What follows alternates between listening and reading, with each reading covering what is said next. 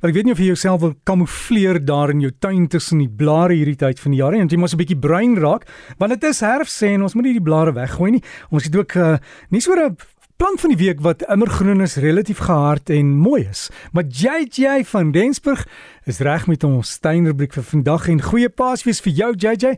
Ek hoop jy het daarom 'n bietjie tyd om te rus. Uh, het julle ook vakansie daar in Australië?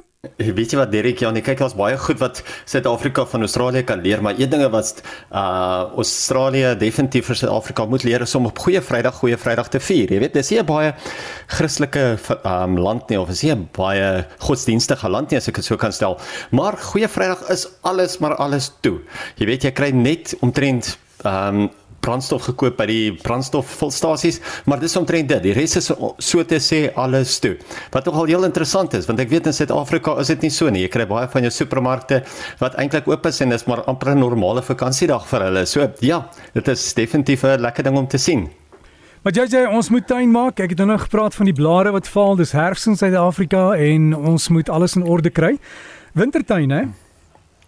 Weet jy ek ja, nee, ek wil graag praat van wintertuin, maar dit is net asof die somer nog steeds net so lekker warm is regoor uh, die suidelike halfrond. Dat mense tog nog nie regtig gesien het dat dit al begin afkoel het nie. Ja, die aande word al lekker koel, maar die dae is nog steeds verskriklik warm. So dis amper asof ons 'n ekstra lang somer hierdie jaar het wat baie lekker is, jy weet. maar laasweek het ek gepraat van suurkompos as 'n deklag om jou suurlewende plante. Die een plant waarvan ek vergeet het, is ons eie inheemse proteas. Ja, die hele protea en Erika families hou nogal van grond waarvan die pH laer as 7 is. Onthou, laer as 7 is meer suur, 7 is neutraal en dan hoër as 7 is alkalies. Nou suurkompos kan hier ongeveer 2 duim dik opgegooi word of rondom die plant gegooi word en ingewater word. Proteas, heide, spelde kussings en vleirose wat natuurlik leucadendrons is, uh kan doen met 'n lekker goeie suurdeklaag. Ek het nou gewonder of ek nou moes praat van 'n leucosperma, maar dit is die spelde kussings. Die leucadendrons is die vleirose. Hulle kan almal doen met 'n lekker goeie suurdeklaag. Wat belangrik is by al die bogenoemdes is dat die spesifieke plante glad nie daarvan hou om enigsins by wortels gesteer te wil word nie. So mens mag dit glad nie inspit nie of enigsins uh probeer losmaak by die wortels sodat dit kan infiltreer nie. Gooi net jou deklaag en water dit in. Hier's 'n lekker maklike wenk. As jy nie altyd suurkompos in die hande kan kry nie of as jy dalk ver van 'n kwekery af bly, kan jy ook asyn in water in um, in water en dit sal die grond suur maak. So wat jy mens doen is jy gooi dit glad nie skoon op nie, jy verdun dit so om en by 1 koppie asyn op 5 liter water en dan kan jy jou plante daarmee nat gooi. So dan maak jy ook jou grond so suur, maar natuurlik suurkompos werk ook baie goed wanneer werk as 'n deklaag ook. So asyn as 'n tweede opsie. Ons kry nou net vir die winter geweldig baie swamprobleme in die tuin, veral by ons groente rose, druiwe en kerstmisrose. Die grootste probleem by die rose is natuurlik swart kolletjies van verskillende groottes wat oral op die plant voorkom en dan swampsiektes um veroorsaak en hierdie swampsiekte word swart vlek genoem. Nou die wit skynsel of die laagie op Kersrose se blare is poeieragtige meeldou. Beide die rose en die Kersrose kan met sistemiese tenazol behandel word wat deur die plant sistemies opgeneem word en versprei word. Nou, as jy jou groentes as as jou groentes klaar groot is of as die plante naby aan oestyd is, sou ek eerder Copperflow Plus of Blomswaal gebruik hê. Ons kan nie enige sistemiese pro produk um by die groentes gebruik as ons hulle gaan oes nie. Ons kan ook nie weer veral um bepaal nie en veral nie die reën beheer nie. Ons kan ook baie keer die oorsaak wees van ons eie probleme in die tuin omdat ons nie op die regte tyd van die dag nat maak nie. Nou as mense in die aand nat maak en 'n mens gee nie eintlik jou grond kans hy oppervlakkige vog om genoeg kans om droog te word nie, skep jy so gunstige toestande vir die swam om te floreer. So maak jy dit vroeg in die oggend nat sodat daar genoeg tyd is vir die ergste vog om ook te verdamp. Dan weet jy ook jy gaan baie minder swamsiektes en swamprobleme in die tuin hê. Ons almal weet dat vetplante is sekerlik van die beste plante om deesdae te plant in waterskaars tuine, maar daar is ook baie wanindrukke as dit kom by die plant van vetplante. Mens hoor baie keer dat vetplante almal vol son wil hê of die warmste droogste kol in die tuin kan hanteer, maar dit is nie heeltemal waar nie.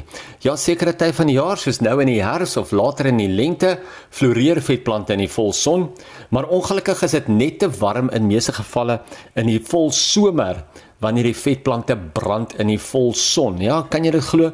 Vetplante brand ook in die volson, ook met winterkoue. Baie vetplante kan koue en selfs ryp hanteer, maar konstante ryp of selfs swart ryp sal ongelukkig die plante laat les op sê hulle sal die plante dit dood. As dit kom by die grondvoeding en die water, vetplante het nie baie water nodig nie, maar gesonde vetplantyle word ten minste so een keer 'n week of wat nat gemaak. Alhoewel mense dink dat vetplante nie goeie grond nodig het nie, is dit altyd beter om vetplante in goed gekomposteerde grond te plant en nog steeds soos die res van jou tuin ten minste elke 2 tot 3 maande te voer. So as jy suksesvol is met jou vetplante, moenie nou net 'n ou vetplant in daai droë, warm, sanderige, dooie kol in die tuin gaan plant nie. Kyk of jy die grond ook reg kan voorberei. Maak seker dat jy hom gereeld ook nat maak en voer die plante net soos jy die res van jou tuin gaan voer, dan weet jy jou vetplante gaan pragtig blom. En natuurlik baie van die vetplante gaan nou begin kleur gee net so oor die wintermaande. So wees gereed as jy wel 'n vetplantuin het as jy lanklaas gevoer het, gaan voer jy vetplante tuin nou, gaan voer jy vetplante nou of soos baie mense dit ken, sukulente en dan gaan jy pragtige blomme oor die wintermaande ook kry. Ons plant van die week soos jy net genoem het, hy is, jy het gesê hy is lekker gehard, maar hy is baie gehard. Ons plant van die week vir winterkleur. Almal wil altyd kleur in die winter hê, selfs vir die koudste tuine is jou Camellia sasanqua. Maar my gunsteling variëteit is die Jennifer Susan variëteit. Hy het diep donkergroen blare en hy het sagte pink semi-dubbele blomme. So as jy 'n bietjie kleure in die tuin soek, moet jy definitief gaan kyk vir die Camellia Sasanqua Jennifer Susan. Nie net maak dit 'n goeie struik in die tuin nie, maar dit maak ook baie mooi potplante. Dit kan dit kan ook in 'n baie mooi immergroen heining ingroei. Dis baie geharde plant wat koue en ryp kan hanteer. En het baie groot wortelstelsel nie. So, jy kan hom maar naby aan mure of paadjies plant dan weet jy hy gaan nie jou muur of paadjie seermaak nie. Sou jy hom nie snoei nie, sal hy ongeveer so 3 meter hoog word, so 2 meter wyd en ek het ook vroeër gepraat van die suurkompos. Ja, al die verskillende kamelias hou ook van die suurgrond. So jy plant hom weer eens met die suurkompos en kyk uit vir daai Jennifer Susan variëteit.